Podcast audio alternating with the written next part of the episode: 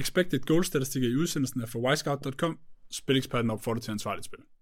er altid åben, så hvad skal du spille på i dag? Come on! Sportsspænding og casino! Det er ikke måske, det er definitivt Team United. Det er i hvert fald ikke Team United, men det er jo sådan, at når man kører 1, 2, 3, så må man drikke fans over hos Velkommen til Spillingspodden. Mit navn er Tore Parbo, og på torsdag kan vi forhåbentlig fejre St. Totteringham's Day. Der er Nord-London Derby på menuen, og til at dissekere herlighederne har vi i studiet Rasmus Graf og Benjamin Leander. Velkommen til begge. tak for det. Tak. Det er ikke det eneste, vi skal snakke om, fordi dagen for inden er der også øh, Coppa Italia, finale i det italienske. Den giver vi særlig opmærksomhed, og så har eksperterne jo som altid medbragt seks spilforslag. Rasmus, har du taget noget godt med? Det synes jeg. Vi er inde i en øh, udmærket steam, øh, eller jeg er. Benjamin han øh, har misset to har en i, i banken til i aften, tror jeg, øh, den ligger. Men øh, ellers er det, er det begyndt at være en øh, opadgående pil igen for Team Spillekspotten, og øh, det var tiltrængt ovenpå, ja, lad os sige det som det var, en ringeperiode. Ja, jeg kan jo lige se, at Alltime har rundet 500 tips i, ja. i Spillingspot og øje med, med, med plus 104 procent i tilbagebetaling. Ikke helt skidt. Benjamin, den kunne have fået et ordentligt nyk opad, hvis du har sat odds 17. Det, det gjorde du ikke. Hvad har du taget med den her gang? Nej, jeg så efter 5 minutter, men allerhøjst for odds 8,5 på Dundee. Det blev jeg lidt ked af at se, men øh, de begik et dumt straffespark efter en time med 0-0, og så øh, var det game over. Men jeg har jo en, øh, en lille portugisisk, øh, det er vel en lille bacalao med, en lille torskebollesnack, som er faldet fra odds øh, 2,85 anbefalet til, mens vi står i studiet, at det er simpelthen odds 2,23, den er nede i. Så øhm, krydser fingre for, at vi kan hive øh, episoden i en lille profit, hvis den sidder. Det må kunne lade sig gøre med odds 2,2,8. Ja, det er, det er et hængeparti for den forrige episode, I skal ind og have fat i her, hvis I vil være, se, hvad det er for en fidus, det drejer sig om. Vi optager mandag, skal vi lige sige, til dem, der sidder og tænker, hvorfor er I her i dag? Men øh, det er vi, fordi programmet simpelthen er så tæt og dejligt. Ja, det er rigtig lækkert. Og vi bliver også nødt til at disclaimer, at det ikke er en Arsenal-podcast, øh, selvom det første billede, man ser af, af Toge i en Arsenal-trøje, og at TV Hans, AV Hans Dom nok også finder en eller anden thumbnail, som skriger Arsenal rødt. Det er det ikke, Hans. Det må tiden vise. Vi kommer jo til at give os anbefaling på kamp, så kan vi jo vurdere, om det er en Tottenham eller en Arsenal podcast. Øh, Benjamin, kan man glæde sig til noget øh, for din hånd i dag på spilforslagene? Ja, jeg har taget tre spiltips med, som jeg plejer, og der er øh, kategorierne simpelthen, det er øh, genbrug, det er øh, tømmermænd, og så er det sidst, men ikke mindst, målfest. Ikke dårligt. Vi glæder os til at se, hvad det er for noget. Det var mere Rasmus, jeg overrasket ud. Det var, fordi han har fundet kategorier. Jeg, jeg, jeg kan knap nok huske, hvad for spilforslag jeg er med, men det fortæller du mig senere, Ja. heldigvis. Det gør jeg nemlig. Øh, Jeg kommer også til at være vært for en øh, quiz senere i programmet. Det er jo sådan, at vi i vanen tro har quiz på menuen.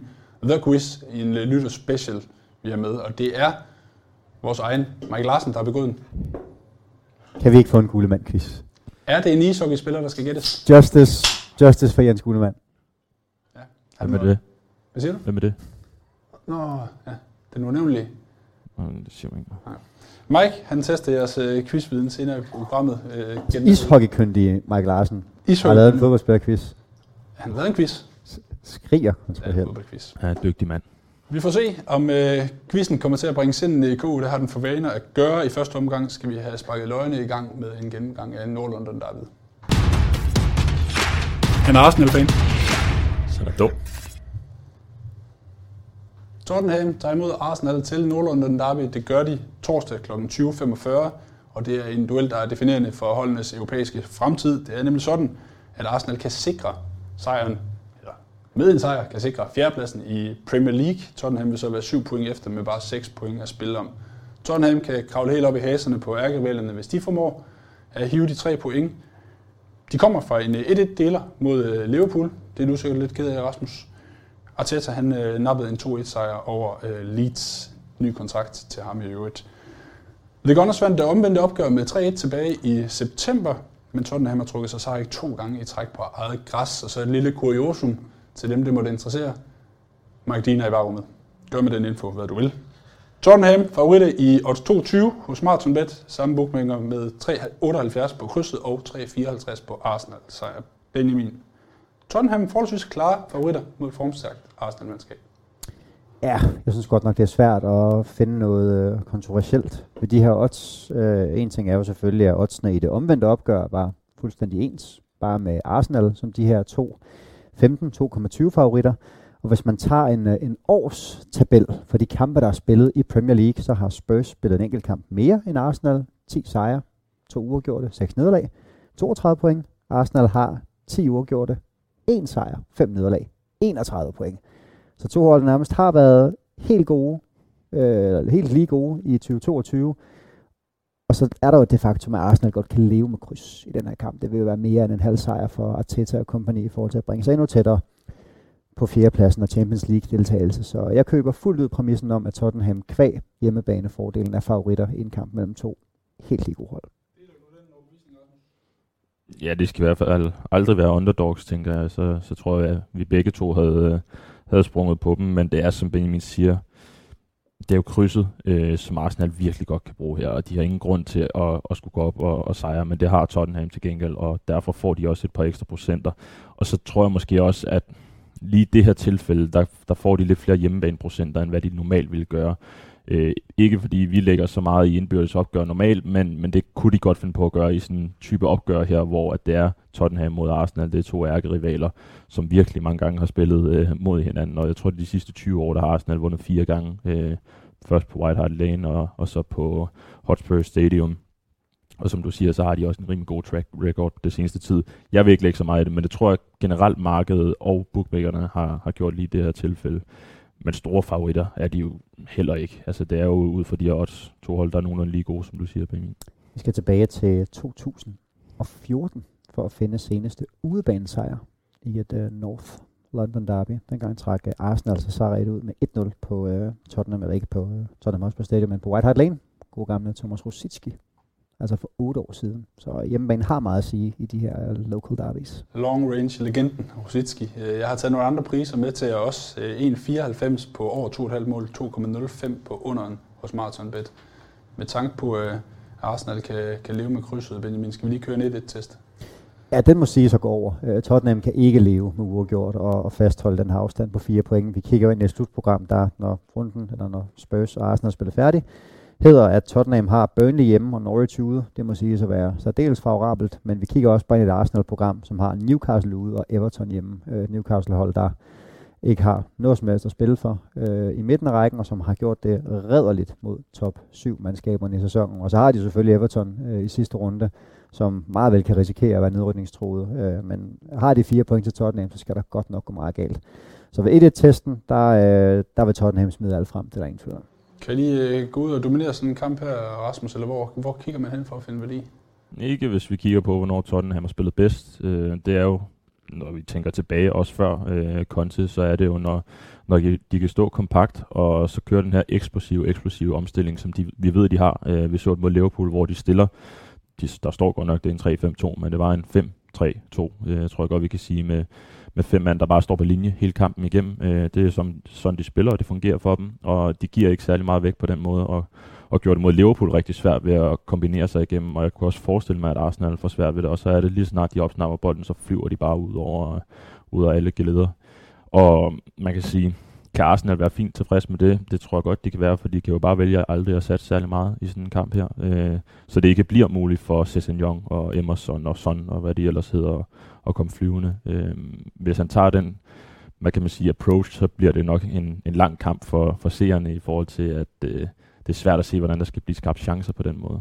Jeg synes, vi så mod Leeds, at det ligner ikke, at Arsenal sådan hus ved at skulle spille på kryds. De fører 2-0, de er en mand i overtal efter Luke Aylings fuldstændig absurd elendige takling øh, i en fuldstændig ufarlig situation derude. Men selv derfra vinder Leeds jo undertallet med 1-0, øh, og er jo ikke jeg siger ikke, at det er tæt på, at det bliver 2-2, men de var ikke komfortable Arsenal, synes jeg. Så jeg tror, det vil være en ulempe for dem at gå ned og satse på at spille kryds med alt for lang tid igen. Selvfølgelig 1-1 i 85, så skal de ikke noget, men det vil, det vil være fjollet af dem og Arteta at gå ned og, og stå på, øh, på bagkant og, og, og sådan lidt stå ligesom i ishockey øh, og have powerplay mod sig, for så kan det også godt være, at Tottenham går op og gør det ondt med dem. Ja, jeg tror heller ikke, at, at hvad kan man sige, Arsenal bare accepterer, at de skal stå og, og modtage indlæg, øh, specielt ikke når du har Harry Kane liggende derinde, som kan finde på hvad som helst. Øh, og det ligner heller ikke Arteta, selvom han er blevet hvad kan man sige, mere tilbageholden i, i hans tid i Arsenal, efter han startede, hvor at det var lidt, nu skal vi tage Guardiola, og så rykker vi ham over i Arsenal, hvor det mere nu er blevet accepteret, at man har det, man har øh, at spille med, og så må man måske lige slappe af med at, at spille mega flot fodbold hver gang, men i stedet spille, spille lidt mere struktureret. Øh, men nej, jeg tror, jeg tror måske, den er, den er svær at læse øh, i forhold til, at, at det er også to hold, som har været op og ned hele sæsonen. Du ved det selv som Arsenal, tog, øh, Arsenal-fan, at, øh, at det er op og ned i forhold til, at de, de kører en periode, hvor de bare vinder alt på stribe, taber de til hvad er det, Crystal Palace, Southampton og, og Brighton tre i streg ja. øh, i et vigtigt løb, og det samme gør Tottenham også, øh, kører alt modstand over i fem kampe, og så taber de hjemme til Brighton lige pludselig, som på det tidspunkt ikke havde vundet noget i 100 år nærmest, så, så det er svært at vurdere. Tror du, øh, Benjamin, nu hørte vi Rasmus snakke lidt om Tottenhams udgangspunkt. Tror du, at de tør tage den tilgang, der hedder at stille sig ned, hvis det ligesom skal være holdets forsøg? Han fik jo meget kritik af Jürgen Klopp på bagkant, selvfølgelig i bitterhedens stund. Men han kunne ikke lide den type fodbold, så gør han, tør han gøre det på hjemmebane? Jeg vil sige, uh, mængden af tyske managers i Premier League, der uh, for evigt fremstår bedre, hver gang der er den mindste modgang, de kan tælles på to meget store hænder. Der er en af dem i Liverpool, og der er en af dem i Chelsea. United. Er der Kuriøst nok. United vinder jo aldrig. eller, de, de, er vant til bare at få så store smæk, at det aldrig kan blive en undskyldning. Men bedre, bedre klub, og endnu mere bedre Thomas Tuchel. Uh, det er altid en fornøjelse at høre dem skabe sig efter kampene. Uh, jeg tror ikke nødvendigvis, vi får en huhaj vilde dyr start at se. Det er også derfor, jeg er sådan lidt uh, varsom med at gå over 2,5 mål i forhold til de priser, der er. Det kan godt være sådan noget 0-0 længe, for så skulle sætte til det sidste. Det kan også være 1-0, som så går til 1-1 sent, og hvad sker der så? Så, så jeg tror egentlig også, at de vil starte. Altså selvfølgelig, jeg tror, vi får Spurs klart mest på bolden. Jeg kigger noget i retning af Tottenham får først tre hjørnespark til 1,67 hos Bet365. De giver 1,80 for at vinde hjørnesparkene for hele kampen. Og vi har jo et scenarie, hvor Arsenal skal ikke angribe, hvis de fører. De skal ikke angribe uafgjort. Så, så ja, to-tre mål i kampen. Tottenham umiddelbart flest hjørnespark. Det er sådan der, jeg i hvert fald kigger på, øh, på kamplinjen. Så er jeg sikker på, at vi vender øh, kampens opmand senere i udsendelsen. Du, du kender mig godt, øh, Benjamin. Lad os bare tage ham med det samme. Øh, jeg har skrevet her, øh, blot et enkelt rødt kort i holdenes fem seneste indbyrdes opgør. Man kunne godt få tanken, at det nogle gange går vildt for sig. Kommer der flere? Paul Czerny på, på fløjten og Mike Dean, som var dommer med noget af sidste chance for at sætte et, et punktum for en global karriere. Benjamin, hvad tænker du? Jamen, hvis jeg faktisk sige, at Mike Dean faktisk er en af de dygtigste vardommer, de har derovre. Øh, jeg hører sådan på vandrørene, at de overvejer at gøre ham til sådan uh, fuldtids vardommer derovre, når han nu stopper karrieren aktivt. Toge mener jo dybt seriøst, at han har en konspirationsteori, som går direkte mod Arsenal. Ja, ja. Han har fejret Tottenham-mål. Ja. Altså, han er jo Tranmere-fan. Det er en legendarisk video af ham, der står på Tranmere Rovers. Nej, han er dedikeret Tottenham-fan, hvis du spørger Arsenal-fans. Men, men han er faktisk en dygtig vardommer. Det kan så være famous last words for mig, når han øh, kalder Tierney til skærmen. Øh, Paul Tierney er til gengæld ikke en ret dygtig dommer. Øh, nogen vil kunne huske, at han dømmer Tottenham-Liverpool i julen, hvor Harry Kane kommer 3-4 år for sent på Andy Robertson, og flæsker ham fuldstændig, hvorefter han ender op med et gult kort, øh, for så senere at give rødt til Robertson senere i kampen. Jo, det kan jeg godt huske, ja. Øhm, jeg synes, han er, jeg, jeg, synes, jeg synes, han er så dårlig. Øh, og det er også derfor, at, at jeg tror simpelthen ikke, at der er tillid nok til, at han kan styre det her i land. Han har øh, dømt øh, Chelsea-Tottenham med kun tre gule, men det var tidligere på sæsonen. Nu er det altså liv eller død, mere eller mindre, øh, når det kommer til kampudvikling her. Så nogen skal jo være sure, når vi når 90. Så jeg kan sagtens se frustrationerne gå over. Øh, uh, 1,75 på mindst fem kort i kampen. Det er sådan lige, fordi de britiske dommer er fandme blevet sådan nogen, der, I, I ser det jo i går i Arsenal mod Leeds. Nå ja, sen takling af Luke Ayling, det, det giver et gult kort. Altså, de, de er blevet nogle... Øh, den der gamle fortælling med, at oh, de må gerne gå lidt til den, og glemmer fuldstændig spillernes sikkerhed. Så jeg kan godt finde værdi i 1,75 på mindst fem kort. Og så kan jeg aldrig lade være med at kigge på Granit Xhaka, når vi har et uh, London Derby. Ja, prøv at gætte, hvad du får på ham til at få kort. Ja, desværre, fordi jeg, jeg vil hellere sige, at han har fået 6 i 12 kampe, så kunne man bare få til 2. Det kan man så ikke. Der, når du, når du går ind på Bet365, de er først lige kommet op i dag, men hvor der står alle spillernes navn, der kunne lige så godt stå stjernepsykopat foran uh, hans odds. Altså, 1,72 ja, på kort til Granit Xhaka. der er, der er altså ud af, at han ville gøre til to på ikke at få kort, ja. hvis de havde et nej-udfald. Så uh, der kan vi tale om noget, der er taget højde for i oddset. Men man kan sagtens gå ind og sige, jamen, jeg tror ikke, han kommer til at kaste om sig med kort lige med det samme. Så måske spille over kort i pausen, hvis ikke der har været så mange. Hvis ikke det går over lige med det samme. Så, uh, så måske noget live betting eller et lille, et lille, ja, en tom, tom dåse her på, øh, på mindst fem kort i kampen. Hvad med rødt kort, Rasmus? Øh, kunne du se det ske?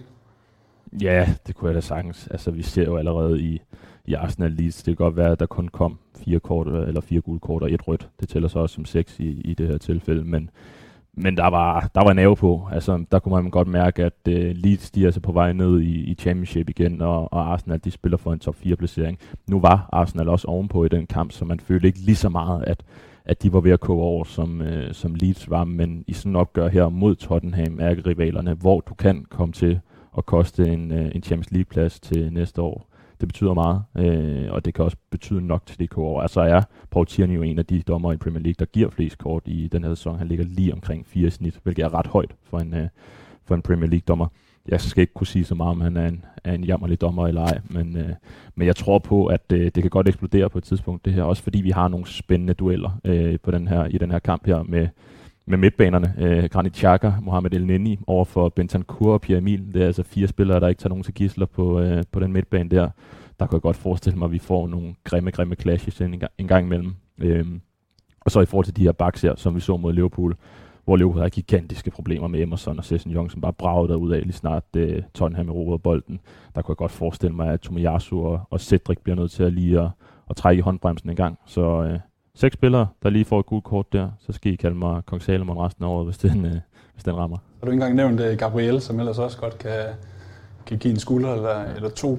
Øh, lad os parkere Nordlondon snakken her, og så skal vi med eksperterne en tur til Holland og Belgien. Det kræver, at man øh, lukker øjnene og trækker tarotkort. Og det bliver Rasmus, der får æren af at ligge ud i det hollandske æresdivisionen, og Sparta Rotterdam møder Svolle. Det er en onsdagskamp kl. 20, og du skal have et mål fra minut 76 og frem til odds 2,05 hos Common, spilbar til 1,80. Ja, det lyder som en spilexport, en klassiker. Øh, og det er det egentlig også. Der er to runder tilbage af æresdivisionen, og, øh, og vi finder Tvolle nummer chok i, i den liga, hvor uh, lige over dem, der ligger øh, Willem Tvei med 29 point, Tvolle ligger med 27, og så har vi Rotterdam på, uh, på 29, og det fungerer jo sådan, at de to sidste, sidst placerede hold, de rykker direkte ned, og så uh, det tredje sidst placerede hold, de tager en playoff mod Erste Divisi uh, efter, efter grundsæson. Og så har Rotterdam Fortuna Citat lige over dem med tre point, og de ligger jo så til, til sikret overlevelse uden at skulle i noget uh, playoff. Og det betyder også, at den her kamp, den kan sende Tvolle ned i øh, erste divisi for godt, øh, uden de har noget som helst at kunne gøre ved det. Og øh, hvad betyder det? Det betyder, at de skal ud og hente en sejr, lige meget hvad. Så, så er det kun tre point, der tæller her, for, øh, for at de har en lille chance for at overleve, på trods af, at, at de ligger sidst lige nu. Og så kan man sige, hvad med Rotterdam? Hvad skal, hvad skal de finde på? Det bliver sådan lidt et temperamentsspørgsmål. Vil de gå efter at hente Fortuna Citat og få en direkte overlevelse, eller vil de sikre sig det her kryds, som kører dem endnu tættere på, på playoff-kampen mod et ærste divisehold?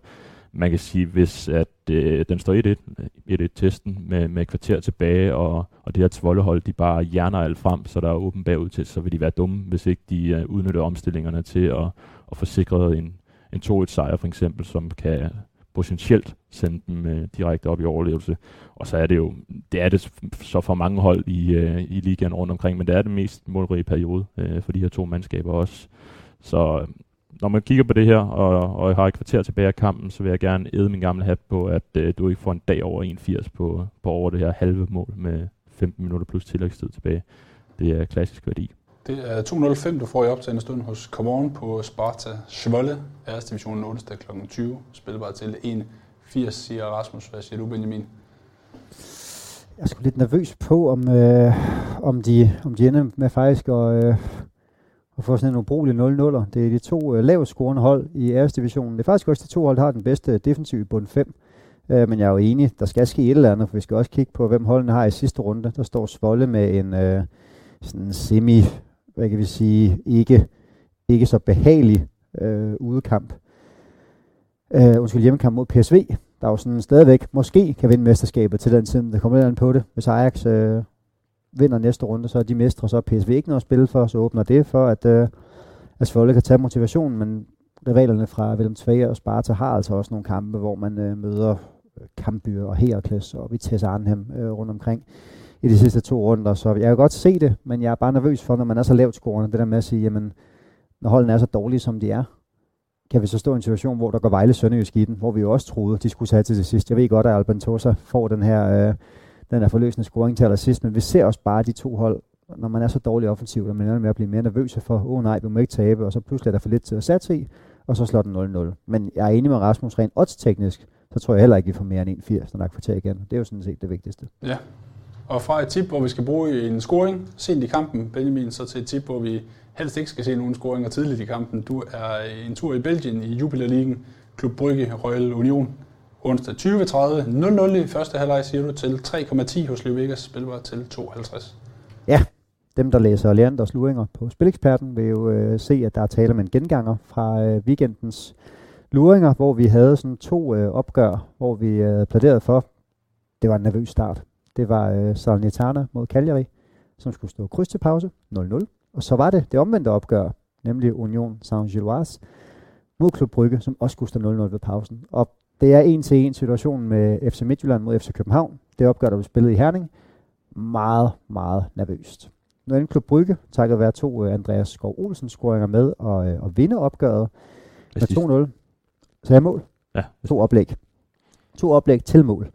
Og fordi belgierne har den her udulige regel med at halvere pointene, hvor øh, Union Saint-Gilloise fortjent har spillet sig til en fantastisk udgangspunkt, så halverer man jo øh, pointene i mesterskabsspillet og giver dermed forfølgerne en kæmpe chance. Og det gør nu, at Klub Brygge har hentet øh, Union Saint-Gilloise, og begge hold står noteret for 43 point med tre runder igen.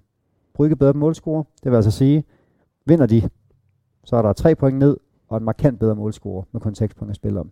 Det er de facto mesterskabet, der ryger til Brygge, hvis de gør det. Hvis Union vinder, så er det dem, der har fordelen af tre point ned til, øh, til Brygge, og deler holdene i porten, så er de af point, og så må vi ligesom sige, jamen, så må det være målscoren til sidst, der kommer til at afgøre. Det bliver sæsonens fjerde indbyrdes opgør indtil videre.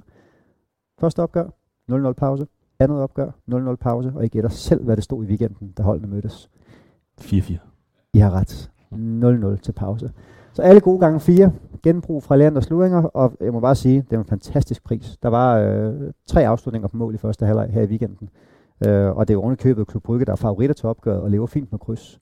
Så jeg kan ikke se, hvorfor kampen skulle få et anderledes forløb, end de har haft i de foregående tre indbyrdes opgør. Så altså massiv værdi på 0-0 til pause. 3-10 hos Leo Vegas i op til en stund spilbar til 2,5, og det er altså på, at Bryggebussen holder stand i første halvleg, og at øh, de heller ikke selv får scoret 0-0 til pause, skal vi bruge Rasmus. Hvad tænker du om spillet?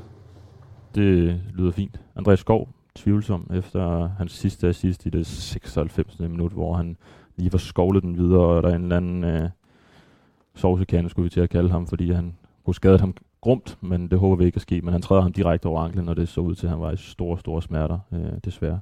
Så vi håber, at han er klar igen. Det krydser vi fingre for, og krydser fingre for et flueben til Benjamin. To spilforslag i boksen. Vi skal videre i udsendelsen med fokus på Copa Italia-finalen. Han er Arsenal-fan. Så er der dum. Stadio Olimpico i Rom sætter rammen om Copa Italia-finalen mellem Juventus og Inter. Det er onsdag den 11. maj kl. 21, der fløjtes i gang. Juventus har reelt ikke det store at tænke på i Serie øje med. De ligger fire. Inter stadigvæk aktuelle i kampen om Scudettoen. Måske en interessekonflikt, det må vi høre om om lidt. Juventus og Inter har mødt hinanden tre gange i den aktuelle sæson. Inter vandt med 0-1 senest, inden der spillede holdene to gange 1-1 på Giuseppe Meazza, hvor Alexis Sanchez han afgør Superkoppen i overtiden, i, eller forlænget spilletid i det ene tilfælde. Juventus forsvarende mestre i turneringen, som de har vundet i fem af de syv seneste udgaver. Vi skal tilbage til 2011 for at se, finde den seneste Inter-triumf. Juve i 3,4, krydset i 3,6 og Inter i 2,32. Martin Bet med de priser, Rasmus. Bookmakerne siger, at Inter skal være pæne favoritter på neutral grund. Er du enig? Mm, ja, det er så for vidt, øh, fordi Inter har vist sig igennem hele sæsonen at have det højeste, højeste topniveau. Øh, har spillet det bedste fodbold, og det mest kontinuerlige fodbold. Og så plus, at Juventus viser den her forvandling, de har været inde i, med at de får nogle, nogle hjerneblødninger, vi ellers ikke er normalt vant til at se Juventus få en, en gang imellem. For eksempel da de i weekenden er foran 1-0 mod Genoa øh, indtil det 87. minut og ender med at tabe 2-1. Øh, det er så langt væk fra Juventus-ånden, som vi overhovedet kan komme. Og det er nogle af de faktorer, der spiller ind på det her Juventus-hold i år, og også grunden til, at de øh, ligger på en rædderlig fjerdeplads, må vi sige, i forhold til, at de har det største budget øh, med længder i Italien, og burde hvad kan man sige, mose igennem ligaen, ligesom øh, Allegri gjorde fem år i streg. Men det er ikke tilfældet længere, og, og Inter er det bedste hold lige nu, når, øh, når vi kigger på de to alene på den her sæson. Øh, Juventus med de flotte meritter i turneringen. Er du øh, enig i bookmakernes prissætning på 1 kryds 2? Fuldstændig. Altså, jeg har Inter som et mærkbart bedre hold end Juventus, der sådan lidt ikke drager paralleller til Manchester United, fordi der er ingen grund til at tale så grimt om Juventus og sige, at de skulle have klaret sig så dårligt. Men, men der er sådan lidt en form for jamen, den der med at have et markat på sig som storhold, men er man det reelt længere? Vi så inden sæsonstart, det var en meget, meget tæt titelkamp i Italien, hvor øh, Inter, øh, Milan og Juventus sådan, var nogenlunde tætte favoritter, selvfølgelig med Inter og Juve lidt foran, øh, og så Atalanta som, øh, som underdogs sammen med Roma længere nede. Øh, men Juventus har jo været undervældende hele sæsonen. Man har vundet 20 gange i Serie A. Ikke én gang har det været med mere end to mål. Det har været de her, og det har jo knap nok været cruise control sejre. De har givet langt flere store chancer væk end tidligere. Så næsten Atletico Madrids fald fra tænderne i forhold til at tillade rigtig, rigtig mange øh, chancer defensivt. Øh, så, så de har på ingen måde været bedre end fireren i Italien den her sæson. Deres, øh, deres øh, kollaps i Genoa i weekenden er jo sådan en klassisk italiensk motivation hvor vi bare må sige, at de har ikke noget at spille for, de er sikre på at blive fire. Pokalfinalen er lige op over og møder Genoa-hold, der bare har øh, vandpistolen for panden og skal bruge minimum et og også gerne tre point. Øhm, så for dem handler alt herfra om pokalen. Jeg tror også, det er, jeg vil ikke sige Inders primære mål, men jeg tror også, de er realistiske og siger, at godt, vi står med øh, rivalerne fra, øh, fra AC, som har Atalanta hjemme og Sassuolo ude i. Det er jo ikke nemme kampe, men vi kommer aldrig nogensinde udenom, at Milan er klare, klare favoritter til at få et resultat i begge de opgør. Øh, sådan, så det for, for Inter faktisk er vigtigst at kunne krydre øh, sæsonen med et, øh, med et trofæ. Og de har haft deres udfald. De tager et, øh, et vanvittigt nederlag på udebanen, hvor øh, reservekeeperen koster sådan helt gedint mod Bologna. Og så kan de jo have bagud 3-0 mod Empoli i weekenden, efter der er spillet en halv time. De får et mål annulleret. Empoli kommer så foran 2-0, inden Inter virkelig tager øh, så skeen af den anden hånd og vinder 4-2. Kæmpe boost selvfølgelig. Øh, men jeg holder Inter som et, et noget bedre hold end Juve, og også kun færre af de er favoritter Rom. Hvordan øh, udmyndter det sig så i boldomgangen, Rasmus? Hvilket kampbillede skal vi regne med at se her? Oh, det skal du næsten ikke spørge mig om, for til sidst der var jeg overbevist om, at, hvad er det en måned siden, vi snakkede ind til Juventus sidst i serie, hvor jeg var overbevist om, at Inter ville sidde på, hele, på det hele, og Allegri han ville stille sig ned som den destruktive øh, manager, han er, og så bare sige, kom an med hans 14 midtbanespillere så valgte han jo lige pludselig kun at stille med to centrale midtbanespillere for første gang i sæsonen, øh, og sad egentlig mest på spillet, øh, var dominerende i deres spilstil, og, og man kan sige, at de taber 1-0 i sidste ende, men jeg tror godt, han har kunne se, at, at det, de forsøgte på, fungerede, øh, fordi der var de det bedst spillende hold lige i den kamp der, og de har også fortsat lidt med det øh, hen ad sæson, eller hen ad, hen ad sæsonen efter den kamp der, hvor, øh, hvor det er blevet mere offensivt, også i den sidste kamp mod, øh, mod Genoa, hvor man stiller en 4-2-3-1 igen, og, og ligesom giver plads til nogle af de der kampændrende spillere, som man har i Dybala, øh, som også får lov at spille nu, og en Cuadrado, som bliver rykket op på en kant, øh, i stedet for at ligge nede på en kedelig, kedelig bak. Og, og giver dem mere frihed, øh, og det har fungeret i forhold til offensiven, at man så ender med at tabe 2-1 øh, på to fejl af Disiglio, det, det er så, hvad det er, men, men det er svært at spå om, fordi øh, skulle man, skulle man bare tage den øh, hårdt forsøgt, så, øh, så, så ville Inter være det bedste boldspillende hold. Men, øh, men kigger vi på det seneste opgør, så var Juventus altså bedre på kuglen. Vi kan godt lige at spå lidt, øh, Benjamin. Du har en pointe. Jamen, det var mere det der opgør, Rasmus han refererede til, hvor Inter øh, ender med at vinde, øh, vinde 1-0 øh, i Torino, som jo var et øh, fuldstændig vanvittigt opgør. Øh, der var virkelig, virkelig, virkelig ond stemning. Man kunne se, at Allegri var ved at... Øh, gå ud af sit, øh, af sit gode skin, ender med otte gule og et rødt. Øh, og vi kan også se på kortlinjen til kampen, den havde altså over 6,5 kort til even odds. Øhm, så, så bookmakerne regner virkelig med, at der bliver smæk for skillingen her. Jeg tror også, det bliver, det kan sagtens blive en ond fordi Juventus vil virkelig føle, at det var dem, der blev bortdømt sidst de mødtes. Øh, og sker der noget igen, så, så vil de stå klar med, øh, med de klassiske italienske gestikker øh, og forsøge at påvirke Paolo Valeri, øh, der er blevet påsat som, øh, som dommer til kampen, men dommer, der heller ikke er ked af at lange kort ud, dømte Inter Napoli som det sidste topopgør. Med syv advarsler har også været rigeligt øh, rundhåndet med, med de røde kort i sæsonen, så øh, masser af drama, og jeg tror egentlig ikke nødvendigvis, det bliver så forfærdeligt køn i finalen, nøjagtigt som vi så det i øh, seneste opgør mellem de to, hvor det endte med, med 1-0 til Inter. Er det også øh, kortlinjen, vi skal have fat i, hvis øh, vi skal grave noget værdi frem, øh, Benjamin, eller en anden special måske? Jeg har lidt kigget på, øh, på pause pausespillet. Øh, ikke pauseunderholdning som i NFL, pauseshowet, men, øh, men stillingen ved pausen. Øh, 8 af de sidste 10 Copa Italia-finaler har stået uafgjort efter 45 minutter. Øh, og jeg spår også en, øh, en fysisk affære, hvor øh, lidt som da vi så det i, i det sidste indbyrdes opgør, hvor vi altså har et, øh, et straffespark i 45 plus 5, der gør, at den ikke slår, øh, slår kryds til pause. Så øh, med tanke på, at, at finalerne traditionelt er noget afventende, der, der kan jeg virkelig godt lide omkring de her 2-10, 2-15 hos et bredt spektrum af bookmaker på, at vi, øh, vi ikke har en vinder, når vi er under 45 minutter. Kan du finde et øh, interessant spil, Rasmus? Nej, fordi altså, det er så svært øh, for mig at vurdere, hvordan de her to hold kommer ud. Kigger vi rent historisk, så, så er det kedelige, kedelige øh, Coppa Italia-finaler, vi har med at gøre. Fem af de sidste syv år, hvor Juventus har været med i seks af de finaler, der er det gået under øh, to og et halvt mål, og fire af dem har så været med, med Allegri. Og, og så kan man så vente om og, og kigge på Juventus' seneste kampe, hvor de har spillet meget mere offensivt, og Inter, som, som sejler rundt de første hvad er det, 25 minutter mod Empoli i weekenden, og ikke kan forsvare noget som helst. Øh, men alt taler for, at vi skal have en kedelig, kedelig affære, når vi kigger på historikken, når vi kigger på meget der på spil, når vi kigger på den intensitet, vi, vi forventer, at kampen har fra start af. Men om de så kan forsvare, det, det aner jeg ikke. Så, så det er ikke noget, jeg vil, jeg vil komme ind på. Hvis jeg skulle noget, så skulle det være under 2,5, men det skulle være til en bedre pris end de her 2, 2,05, vi, øh, vi får lige nu. Det kan være, at vi kan lokke en uh, fidus ud af Michael Rundager. Han havde i hvert fald en lille kommentar til det, det US-bet, og han er jo også en mand, der har fingeren på pulsen i det italienske.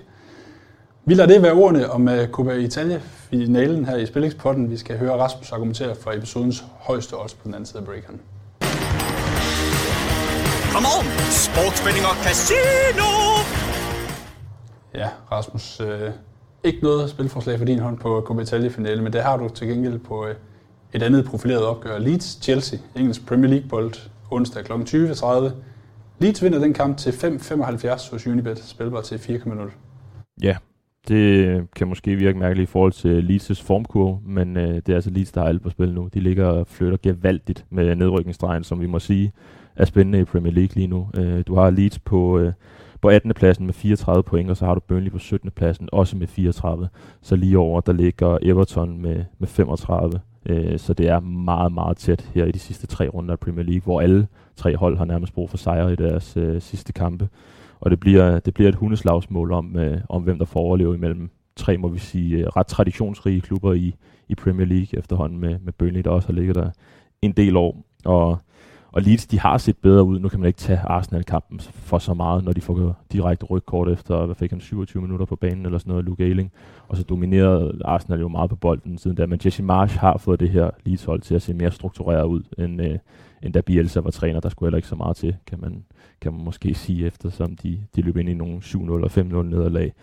Og så har du et Chelsea-mandskab, som jo ikke har sikret sig fire eller øh, top 4 overhovedet ikke egentlig, men der skal også gå meget galt for at øh, for den klipper mellem deres hænder. De ligger jo med 67 point, og, og så har du øh, Arsenal og Tottenham, som vi snakkede om lige før, der ligger Tottenham med 5 point under, tror jeg, ikke? Og, og Arsenal øh, med et enkelt efter sejren i går, ja. Så det kræver jo, at øh, Tottenham de vinder over Arsenal, samtidig med, at Chelsea skal tabe endnu en kamp ud over, øh, ud over Leeds-kampen, mens Tottenham også vinder, før at, øh, at de ryger ud af den her top 4. Og der er en meget vigtigere kamp i sigte for dem i forhold til deres FA Cup-final mod Liverpool under 72 timer efter. Øh, den er lagt, lagt meget dumt, øh, synes jeg personligt, i forhold til at give de her hold de bedste forudsætninger for at spille en god kamp, fordi øh, de får så kun 69 timer i svile efter deres øh, Leeds-kamp, til de skal spille den her FA Cup final, og man kan sige, det er en vigtig kamp begge to, øh, men hvis Tuchel vælger at sige, at jeg stiller i stærkeste i begge kampe, så må han alt andet lige forringe hans chancer i, i den her Liverpool-kamp her, hvor man, man kan ikke spille en lige så god kamp, når du får så kort hviletid, du kan ikke engang nå at træne, øh, efter, efter du har spillet mod Leeds. Så han skal finde ud af, hvad han skal gøre her, øh, om han skal satse det, og så, og så tage de mindre procenter i, i kampen mod Liverpool, eller om han vil rotere lidt her, og måske bringe lidt ubalance i, i, i regnskabet. Altså, og så er det jo heller ikke helt dumt at gå mod et Chelsea-mandskab for tiden. Altså det, det kører sgu ikke rigtigt på skinner for dem. Det er som om, at der er lidt for mange ting, der fylder i klubben lige nu, som ikke rigtig skal fylde i forhold til Abramovic og salget af Chelsea. Ryger, der ikke vil forlænge. AC, der ikke vil forlænge. Aspilicueta, der rygtede Barcelona. Har vi overhovedet forsvar til næste år? Øh, og man, jeg synes godt, man kan mærke, at det fylder noget i på det her Chelsea-mandskab, som også smider en 2-0-føring væk mod, øh, mod Wolves i weekenden og taber til Everton før det. Så det vil ikke være jordens største overraskelse, synes jeg, hvis, øh, hvis Leeds også går ind og vinder på Ellen Road i sæsonens vigtigste kamp. Der er øh, en oddsætning, der indikerer, at det trods alt vil være en lille overraskelse. Ja. I hvert fald får du, jeg er med på, hvad du mener, i hvert fald får du 5,75 hos Unibet, spilbar til 4,0 på Leeds sejren. Benjamin, du, øh, Du lavede en grimasse, da spillet blev læst op. Hvad har du af holdning til den kamp? Jamen, altså, hvis man hader penge, så kan man da sagtens spille Leeds. Uh, jeg kigger ind i, at Leeds har spillet 11 gange mod top 6-holdene i sæsonen. Og tabt 11 gange. Hvad, Med en hvad, hvad var det, havde med sidst? Med Og det var målscorer. Dundee, ja, ja, ja. Med en ja, målscorer på 7 Ah. 42 Og der kunne man godt finde med de, ja, ja. okay. Jeg sagde, at Dundee havde slået Rangers og spillet Ja. ja. uafgjort en gang. Lige så tabt rup og stup og lukket fire mål ind per kamp mod top 6. Så ved jeg godt, at nej, nej, de har ikke Bielsa længere. Men det er stadig de samme spillere, der er inde. Øhm, men altså, jeg sagde jo også øh, i weekenden med Bayern og Stuttgart motivation. Nej, nej, de kommer til at køre dem over. 2, 2, 2. Jeg er personligt, Rasmus, at du rammer dit spil, fordi jeg er en grådig Arsenal-fan, der lige pludselig går ind i tredjepladsen. Så kan det godt være, at jeg bliver til et meme, når jeg står og siger det, og det, det er hele Liverpool. Men Kan vi zoome ind på det her, Hans? 5,75, hvis... øh, Det er hvis spørgsmålstegn. Det blev lidt grimt, men øh, det er stilling, hvis der er nogen, der er i tvivl. Benjamin, han er, han er bagud, øh, som det ser ud nu. Han er 2,2 units bagud i det samlede regnskab. Så øh, det var bare det, jeg ville sige. Der er ikke, når weekenden er over. Ikke med de to første spil der. Du har mulighed for i hvert fald at banke øh, nogle units på kontoen, Benjamin, med det samme. Nantes, Rennes, fransk Ligang, onsdag kl. 21. Du er på Rennes-sejr og over 2,5 mål til 2,40 hos Unibet spilbar til 2,25. Ja, jeg sagde først, at vi havde genbrug med. Det var jo øh, Union mod, øh, mod Brygge. Og så sagde jeg, at vi havde tømmermænd med. Og vi har tømmermænd med i, øh, i Frankrig, fordi der er stor eufori i Nantes, der i lørdags nappede den første titel i 21 år, altså siden mesterskabet 2001, fordi de vandt pokalfinalen med 1-0 over Nice. Jeg tvivler på, at der har været ret mange intense træningssessions i Nantes søndag, mandag, tirsdag, inden opgøret mod Rennes som jo har alt at spille for, når det kommer til både Champions League gruppespil og også Champions League kvalifikation. Toeren går i øh, gruppespil, og øh, treeren må en tur i, øh, i kval. Og Rennes er tre point fra Monaco på tredjepladsen, har en bedre målscore, så dem går man forbi, mens man altså har seks point op til Marseille, man altså kan indhente dem, fordi de har den her kamp i hånden. Øhm, de har scoret 77 mål i sæsonen. Rennes kun overgået PSG, voldsomt hold. Har jo øh, Kamaldin Sulemana i truppen, er skadet til kampen her, er også gået lidt i stå efter den flotte start, han fik i fransk fodbold. Men har altså stadigvæk øh, to mænd i top 5 på øh, topscorerlisten i form af Martin Terrier på 21 og Guy Laporte på 15 kasser indtil videre. De to kommer til at give øh, det her tømmermandsramte navnhold en øh, rigtig svær kamp på hjemmebane. 11 af de her 19 rendsejre har været med sejr og også mindst tre mål i kampen.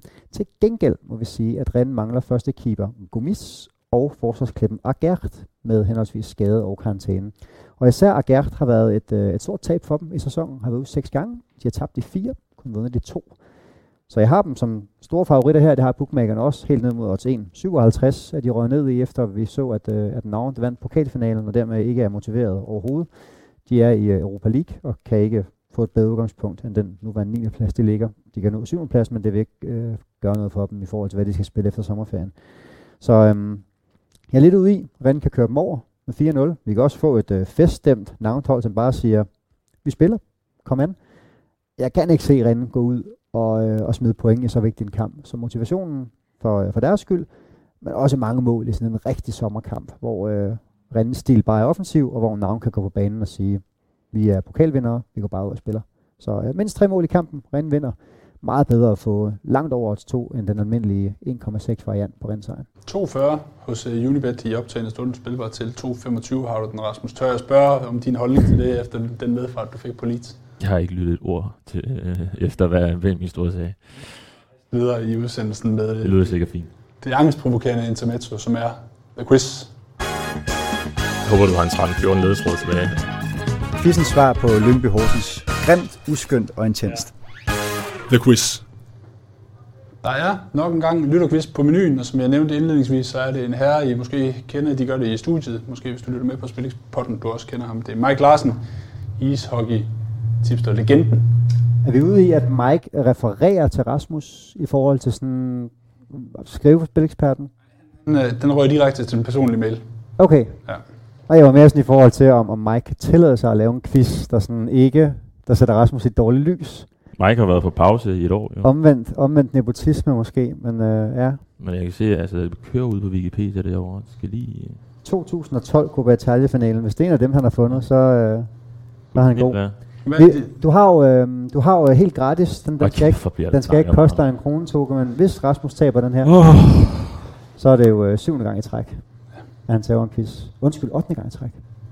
ja, så du får Ja, 9 6-1, så jeg får en 9-6. Ja. Og vi er enige om, at der er to episoder tilbage bagefter. til CL-finalen. Ja. Ja. Ja. God nok.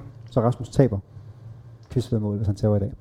Der er pres på Michael Larsen, hvis han skal have nogle pæne ord på vejen, med andre ord. Rasmus, hvad, hvad tænker du umiddelbart om quizzen, når du, når du hører det, Michael Larsen, der har lavet den?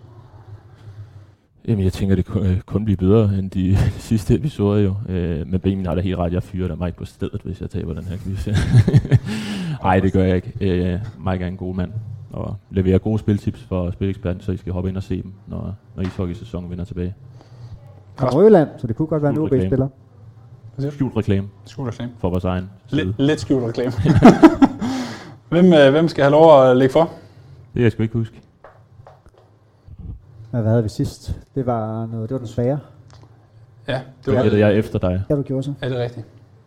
Du skal gætte først nu. Ja, det skal jeg vel. Det var Gudjonsson. Og er der bagov. Det er korrekt. Er du klar? Ja. ja. Hvorfor en quiz vil du have, Rasmus? A eller B? Hvad siger Hans? Du kan ikke få du kan ikke blive... Hvad siger Hans? B. Quiz B. Quiz B. Jamen, så kan jeg glæde dig med, at det er en quizvariant lige efter dit hoved, Rasmus. Vi har at gøre med en spiller på 50. Han er pensioneret fra årgang 1972. Han har spillet seniorfodbold i tre forskellige klubber i bare ét land. Jeg ved bare, at jeg ikke kommer til at finde den her spiller, ja, men lige meget hvad du siger. Om du så kommer til at rime hans navn. hvad var ledetråden? 50-årig herre, tre forskellige klubber i ét land. Jeg kan jo ikke engang huske, hvad jeg lavede i går. Altså, hvordan skal jeg kunne huske, hvad der skete for 30 år siden? Jamen, jeg var heller ikke, altså... Det, vi skal langt tilbage. Tre klubber, et land. Yes. Pas. Jeg nåede lige at få den der vej på, du bare skyder navnet afsted. Det ville være for rygt. Mm.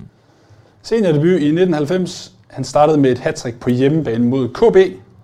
På landsholdet er han noteret for 12 A-landsholds- og Liga-landsholdskampe. På landsholdet er han noteret for hvad? Øh, Landsholdet og Liga-landshold 12 kampe. Debuterede med hattrick hjemme mod KB i 1990. Per Pedersen. Per Pedersen, øh, som jo spillede i øh, blandt andet Blackburn. Det var rigtigt. Men det er jo også, det er også kun en mand, vi har indsat. Så det behøver man jo ikke vide. I klubben, hvor han startede sin seniorkarriere, har han fået sit nummer tildelt, så der ikke er andre, der kommer til at spille med dette nummer. Det er altså en spiller, der har fredet det nummer i en klub. Jeg er ikke Fred spiller i Superligaen for satan. Det er sket, ikke desto mindre. Superligaen bliver indført i 91. Der er han med. Hvis vi antager, at det er danske KB, og ikke færøske KB, eller islandske Kordrangir Boltir. Pas.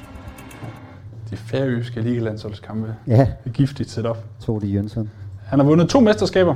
Blandt andet et med OB, Benjamin. Du var lige inde på det i 1999, ja. Ja, hvor han noterede sig for 17 mål som klubbens topscorer, men kun endte nummer 5 på den samlede topscorerliste.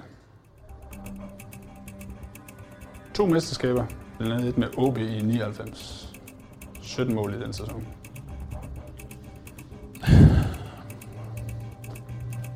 Ja, jeg har lyst til at sige Peter Møller. Øh, men jeg kan ikke huske, om han kommer udenlandsk. Det må han næsten have gjort, og han må også have spillet flere landskampe i forhold til, at han er med i, i 98 og spiller en rimelig god turnering. Peter Møller. Oviedo, PSV. Ui, så bliver jeg kørt derude af derude. Lidt på gaden bag os. Nummer to på all-time topscorelisten for Superligaen med 139 mål. Størstedelen er scoret for Viborg FF. Hold da op. Ja.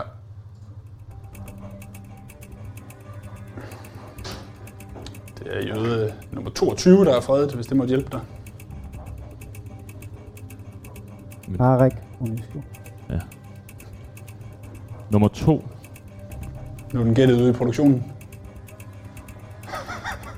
Jamen, øh, du siger størstedelen i Viborg, så har jeg lyst til at sige Søren Frederiksen jo, men Søren Frederiksen. Det er rigtigt. Jeg vidste. Jeg havde ingen idé om, han havde været i Silkeborg. Silkeborg. Silkeborg. Det er Sagde du ikke det? ikke. Det er svært at vinde quiz, når man bare står og... Øh, Det er sgu da den der Kevin Magnussen, der ligger... Sluk for det lort der, Hans. Så skal der i hvert fald, Ligger og kører så skal jeg i øh, hvert fald bringe en undskyldning, hvis jeg har sagt det, for det. Kan vi lige lytte tilbage? Der bliver første del i. Viborg. Tre danske klubber. 50 år. Du fik ham, Rasmus, på øh, yderste ledtråd, Benjamin, så du skal have ham på ledtråd 4. Ja. Ja. Nå. Er du klar? Hit it. Pensioneret angriber, 47 år, årgang 74, har spillet i fire forskellige lande for sammenlagt 11 forskellige klubber. 11 klubber, 4 lande. Hold da op. 47. Yes. Frank Strandi. Jeg gætter det. Jeg hørte det simpelthen ikke. Ja, han slags stangtennis eller sådan noget i den stil. Frank Strandi. Nej, det er jeg med. Han har 103 landskampe, scoret 27 mål i dem. Størstedelen af disse mål blev ikke scoret i VM eller Hvor mange landskampe havde han? 103. Størstedelen af de her mål blev ikke scoret i VM eller EM-kvalifikationer. Han spillede sin sidste landskamp øh, 21. maj 2010, men han var klubløs. 12 Hold landskampe og ligalandskampe til sammen. Nej, 107 103. landskampe.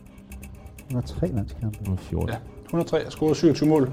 Silkeborg. Størstedelen hverken i VM EM-kvalifikationer. Spillede sin sidste i 21. maj 2010, hvor han var klubløs. Ja, jeg har fokus på Danmark, det er det ikke. Åh, det kunne det snilt være. Øh, Det kunne det snilt være. Hvad fanden holder han med, Mike? Mike? Pas. Han er kæmpe Barcelona-fan. Billederen har spillet i den bedste danske række, hvor han var i OB, hvor han var en del af holdet i fire sæsoner med 35 kampe og 13 mål til følge. Han dannede angrebspar med en landsmand. Der bliver godt nok givet mange detaljer her. Det er ikke... Ledtråden er, hvad det er. Øh, Den her gang har du ikke fiflet med dem. Lige den her. Han har været en tur forbi OB Bare fortæl ledtråden. med i fire sæsoner. Andres Ober. Nej, det kan man lede efter. Så skal Selvom, han gætte nu. selvom han blev OB's topscorer i 2001-02 sæsonen med 13 mål, så blev han droppet af Paul Erik Andreasen og endte med at blive lejet ud til først en svensk og siden en anden dansk klub. Jamen, du gætter den ikke. Nej, det gør jeg ikke. Satan. Det er rigtig dejligt at høre. Og du skal ikke sige mere nu, Toge. Jeg kan godt se, at du står higer efter at give ham en lille ledetråd mere.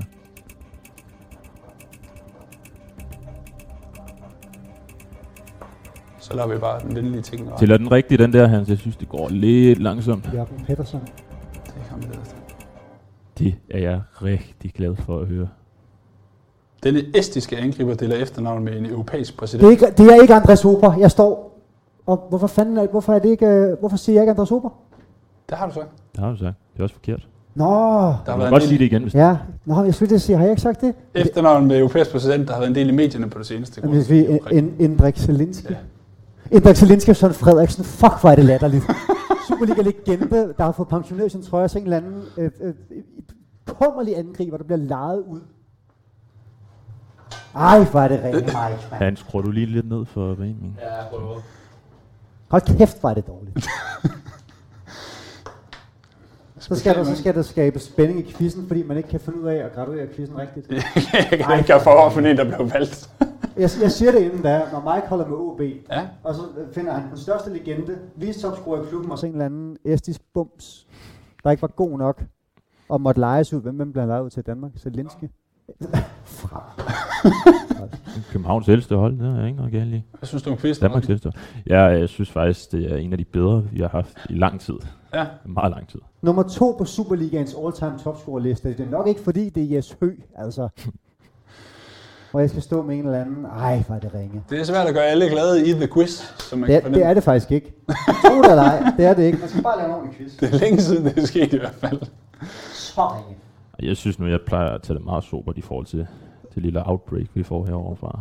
Det kan være, at vi kan bestille en potpourri over reaktioner på nogle af de seneste Ja, quizzer. og der vil du ikke finde mig øh, sige noget som helst grimt om, øh, om nogen, udover Jens Guldmann. Send nogle flere mig. Fornøjelse. Ja, Mike. Det er sgu i orden. Rasmus reducerer Der er til lidt 7. lige der. 7-8, og lidt spænding i The Quiz frem mod sæsonafslutningen i, i Champions League. Vi skal videre med det sidste sæt spilforslag. Det kræver, at man øh, lukker øjnene og trækker tarotkort. Og Rasmus, det er måske meget godt, at det er dig, der får udlægget her på, på tredje runde spil. Jeg fik faktisk slet ikke fat i, hvad han hed, ham der øh, Benjamin skulle gætte. Zelinski. Hendrik. Hvad siger du, han hedder? Zelinski. Ja. Ja, igen. Jamen, de var helt lige, de to quizzer det. Real Madrid Levante, Rasmus, øh, skal du have os med en tur til. Det er en torsdagskamp kl. 21.30. Over 2,5 mål, og begge hold scorer, siger du. 1,83 hos Bet365, spiller bare til 1,75. Det var faktisk nogenlunde lige så ringe som Lars Bazooka og ham den anden. Hvad fanden var det, du skulle gætte der? Jeg skulle så gætte en fodboldspiller, der aldrig eksisterede, og du skulle gætte en eller anden. Jakubu? Jakubu ja. Viduk, ja. ja. Hvad siger du, Toge? Fortæl om dit spilforslag. Nå, ja, ja. Øh... Ja, ja, ja, ja. Jamen, jeg er med, jeg er med, jeg er med. Levante, som er styrtdykket siden øh, markedet åbnede. Den gode Stefan Lind, La Liga-ekspert på Spileksperten, der kom skjult reklame igen. Øh, han anbefalede dem til 11,5 her for en, en lille uge siden, apropos det, vi snakker om i sidste episode med at være tidlig ude på din øh, motivationsspil, for de er altså nede i omkring 6 nu, så dem kan jeg desværre ikke tage. I stedet har jeg kigget efter en anden variant, som er over 2,5 og, og begge hold scorer. Og over 2,5 mål, det er stedet, mens begge hold scorer er faldet en smule, og det giver meget god mening i forhold til at sige, at Real Madrids chancer er måske mindre for at tæve dem 4-0, mens uh, Levantes chancer alt andet lige bliver større for også at komme på tavlen. Og når vi kigger på, hvordan de stillede op i går, Real Madrid mod Atletico i, øh, i rivalopgøret, så var det altså offensiven, der primært blev sparet her med Benzema og Vinicius og Modric, mens defensiven øh, fik lov at køre lidt videre. Og det vil ikke undre mig, hvis, øh, hvis han bytter lidt om her og giver spilletid til sådan nogen som øh, Vallejo og øh, Marcelo, der også sidder på bænken. Øh, hvad hedder han? Lucas Vazquez, som også spiller en bak, som alt andet lige er mere offensiv end, end dem, de erstatter i Mangdi og, og Cavaral. Og øh, Real Madrid, de har jo den her Champions League-finale, som de kigger frem mod nu. De har allerede vundet La Liga. Skulle du have shortsen længere ned? Prøve at øh, finde noget, der sådan ikke kløder og krasset over det hele på en arena skal ejerskab over den latterlige quiz. Det er sgu da ked af at høre. Øh, nå, men det giver mening, hvis, øh, hvis Ancelotti går ud og sparer lidt her, inden, øh, inden vi kommer ind i de kampe, hvor vi snakker om sidst, at det måske giver, giver bedre mening at få lidt flow i truppen. Og Levante, de har alt for spil. du skal ikke stå og grine. Det, det hiver mig ud af den. Nu gider jeg næsten ikke at sige mere. Nej, det skal jeg beklage. Ja. De ligger næst sidst med 29 point. Og det er kun en sejr, der tæller på Santiago Bernabeu, selvom det bliver svært. Og det har været underholdende siden uh, Alessio Lissi tog over, hvor de har snittet 3,5 mål uh, over 20 kampe. Altså ikke scoret, men i deres kampe. Og begge hold er kommet på tavlen i, i 12, og de opgør der. De spiller den seneste kamp mod Sociedad, hvor uh, jeg sad og så den. De, uh, de havde god styr på, på offensiven og skabt en, en del fine chancer, må vi sige. De scorede godt nok på et strafspark til sidst i kampen, men... Uh, men man kunne se, at det var Levante hold, der var presset og, og skulle skabe noget øh, fremad i banen, og det forestiller jeg mig kun bliver det samme her øh, mod Real Madrid, som, som alt andet lige på nogle pladser kommer til at rotere, og som man kan sige spiller en hjemmekamp, hvor der ikke er noget på spil. Øh, det er ikke engang sidste hjemmekamp i sæsonen, så det er ikke fordi, man behøver at gå ud og klaske Levante fuldstændig og, og lukke af, men, men lidt samba-bold måske for, for nogle af de mange brasilianere, de har. Det vil, ikke, øh, det vil overhovedet ikke overraske mig. Over 2,5 begge hold scorer. 1,83 hos Bet365 i op til en stående spilbar til 1,75 til torsdag 21.30. Det går løs i det spanske. Og nu skal du ikke spørge ham, hvad han synes, fordi han er jo ved at trille ned igennem gulvet herovre. Jeg tænker også bare, at vi haster videre til dansk første division. Fredericia Nykøbing. En øh, fredagskamp kl. 18.30. Du er på samme variant over 2,5 mål. Begge hold scorer til 1,90 hos Bet365. Spiller til 1,77. Ja, sidste skud på stammen. Vi har haft øh, genbrug, vi har haft øh, tømmermænd, nu har vi så målfest i Fredericia. Det er jo sådan lidt det overflødige fedt på bøffen i første division. Fredericia med syv point op til oprykningszonen næst sidst i mesterskabsspillet, oprykningsspillet. Nykøbing har 23 point op, og dermed en komplet udspillet rolle. Til gengæld så har de det altså med at underholde Nykøbing indtil videre. De kom ind som det absolut tyndeste øl i forhold til at skulle jagte en uh, fuldstændig usandsynlig oprykningsplads, men de er gået på med krum hals og har målscoren 10-17 for de første seks kampe. Lynhurtig hovedregning, 4,5 mål per kamp. Mødte Fredericia på hjemmebane i et omvendt opgør, hvor begge hold scorer og mindst tre mål i kampen var hjemme efter sølle 53 minutter. Det er egentlig ikke så meget, øh, så meget mere øh, logik for Perløns end det. Fredericia skal vinde i håbet om at levere et øh, usandsynligt oprykningscomeback. Nykøbing spiller helt frit. Indbyrdes opgør i sæsonen mellem de to mandskaber, tre styk. med Michael Hansen og Claus Jensen som cheftrænere. 3-2 til Fredericia, 3-2 til Fredericia og 4-4. Så øh, 18 mål på tre opgør. Vi skal bare have øh, en sjette del, og så begge hold på tavlen her. Og nu kan jeg se, at mit øh, batteri på min computer løber tør, og mit batteri løber også tør på baggrund af den latterlige quiz. Så rigtig mange gange tak for i dag. 91, 365 spilbar til 1,77. Det er den samme variant. Vi skal bruge minimum tre scoringer og begge hold på tavlen i Real Madrid Levante og Fredericia Nykøbing. Så runder vi stærkt af her i spillingspodden. Hans, hvis du zoomer ind på højre side af Benjamins hoved, så vil du se en øh, blodår, der er ved at eksplodere. Øh, Jeg laver en Ståle Solbakken og tager mit, øh, mit headset af, inden vi er færdige med udsendelsen og går. du man minder også at meget gøre om Ståle også. Solbakken Ja, på det, lige på det her punkt. ja. Ja. Jeg er i gang med at lave Ståles Ja. raseriudbrud. Men tag din nederlag. Godt. Det har dig Ståle til fælles. Der er mange flere tips og analyser inde på spileksperten.com. Benjamin er aktuel. Heldigvis har han allerede skyldt nogle øh, luringer afsted, så de ikke bliver raseri-inficeret. Der kommer mere i løbet af, af ugen. Vi varmer også op til VM i ishockey. Det gør vi i selskab med Claus Elming, der har en turneringsoptakt klar på hjemmesiden. Han kommer til at dække alle de danske kampe i turneringen. Vi krydser fingre for, at det bliver til avancement for gruppespillet. Avancement kunne vi også godt tænke os i Eurovision, som øh, starter med dansk semifinale i morgen tirsdag. Der er finale på lørdag.